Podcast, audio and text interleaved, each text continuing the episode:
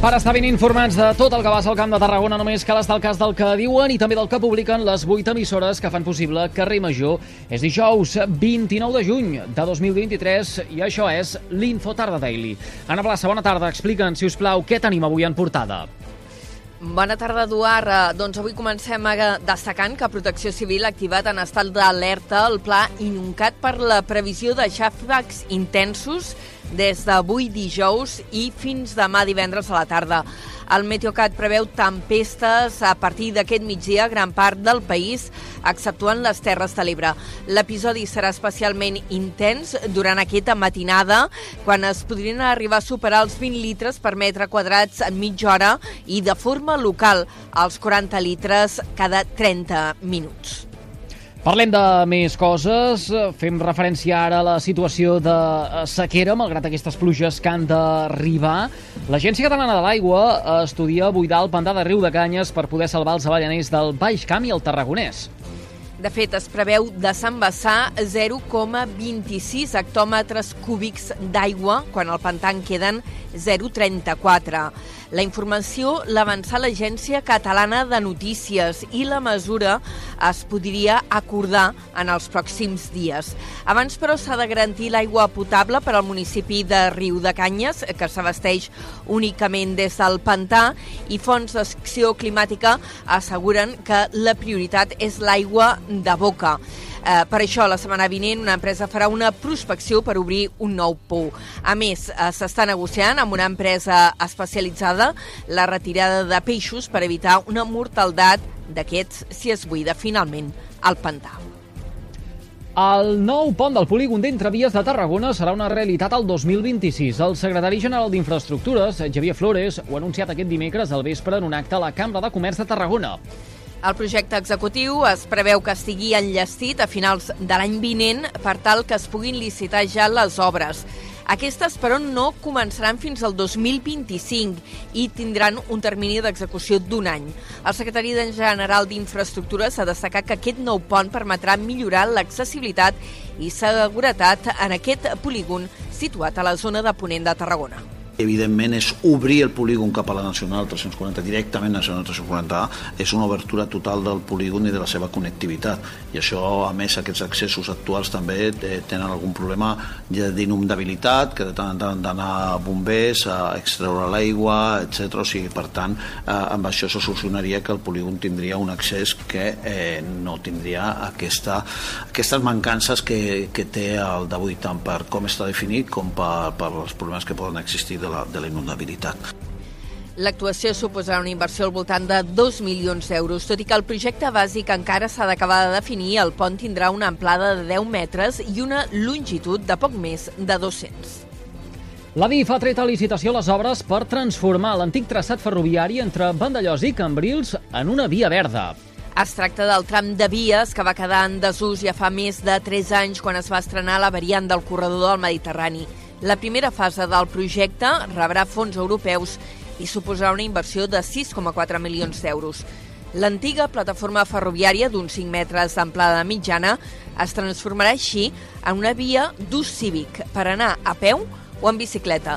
El projecte també inclou les actuacions necessàries per atenuar l'efecte barrera de la infraestructura en desús. També s'hauran de fer obres a l'entorn de, les tiga- de les antigues estacions per convertir aquests espais en àrees de descans.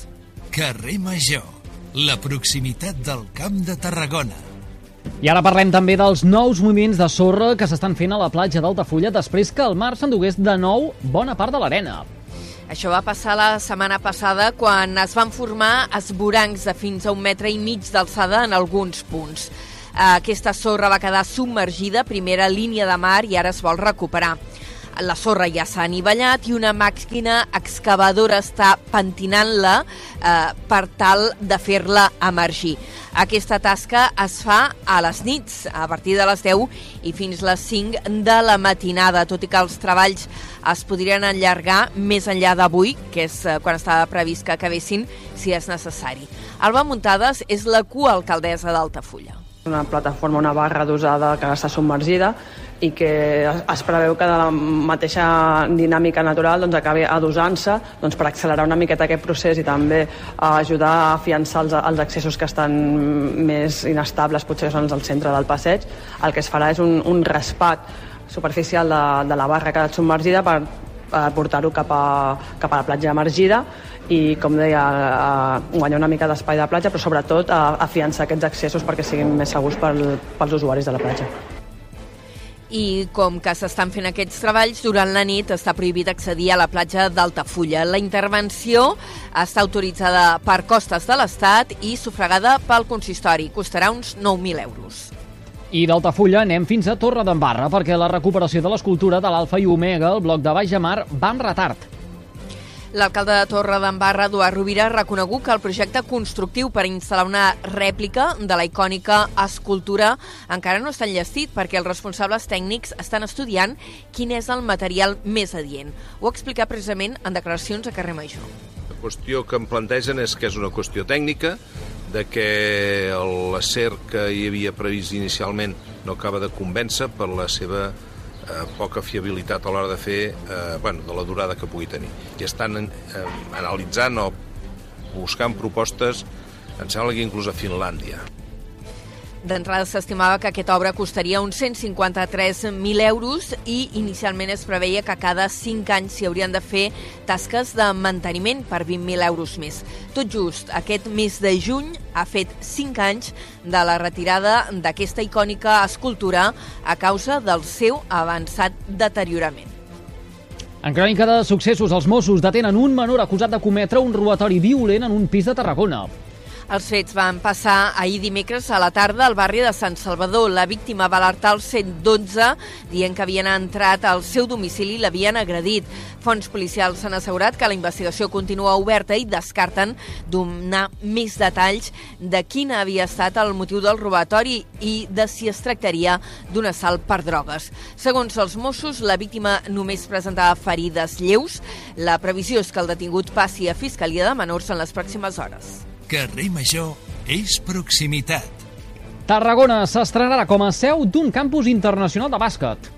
Serà durant la primera quinzena de juliol i es farà al Palau d'Esports Catalunya de l'Anella Mediterrània. i participaran una quarantena de jugadors d'entre 15 i 26 anys eh, procedents de lligues l'Epor, l'Eplata i EVA de primeres divisions de països com Àustria, Suècia, Suïssa i també d'Hongria i Polònia. A més, hi haurà participants del campionat de la divisió de bàsquet masculí dels Estats Units i de la Lliga Universitària canadenca. Molts dels jugadors són internacionals absoluts o de categories inferiors amb els seus països. I avui també els hem d'explicar... Fent camp de Tarragona.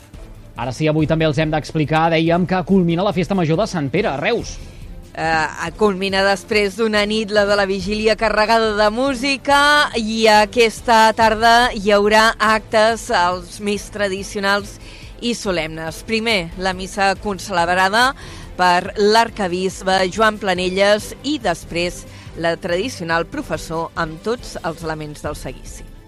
Va, doncs ara hem de conèixer quin temps ens espera de cara a les properes hores, així que connectem amb el Servei Meteorològic de la xarxa de comunicació local. Lluís Vivérez, hola, molt bona tarda. Una situació completament carregada, hi ha moltíssima humitat, molta xafogó, mala visibilitat, hi ha molts elements que fan que l'ambient sigui tèrbol i també molts elements que ens fan pensar que l'atmosfera ha de patar com una gla. I de fet ja estem tenint algunes primeres tempestes. A hores d'ara descarreguen amb més ganes al Pirineu Lleidatà, però també s'estan formant ruixats molt locals però intensos que es mouen aproximadament entre les muntanyes de l'Ordal, també Montserrat, la Noia i el Vallès Occidental ha d'anar més aquesta atmosfera inestable al llarg de les immediates hores. Aquesta propera tarda i vespre, moltes tempestes al Pirineu, Prepirineu, Catalunya Central i ja entrada la vesprada i nit entrant per les comarques de Lleida, també les de l'Ebre, i ja quan bàsicament sigui de nit, aquestes tempestes ben intenses a l'àrea metropolitana de Barcelona. Moltes d'elles portaran calamarsa i vent fort, i mentre no hi plogui, ambient xafogós, però també aquest vespre i nit, a mesura que plogui, l'ambient molt més renovat. Us seguirem a la xarxa. Ara sí, doncs ho haurem de deixar aquí. Ana Plaça, gràcies per aquesta pinzellada informativa amb el més destacat de la jornada del Camp de Tarragona. Que vagi bé fins després. Fins després. I tots vostès poden recuperar l'Info Tarda Daily d'aquest dijous 29 de juny mitjançant les xarxes socials i també els respectius serveis de ràdio a la carta, les 8 emissores que cada tarda passegen plegades pel carrer Major. Gràcies per seguir-nos.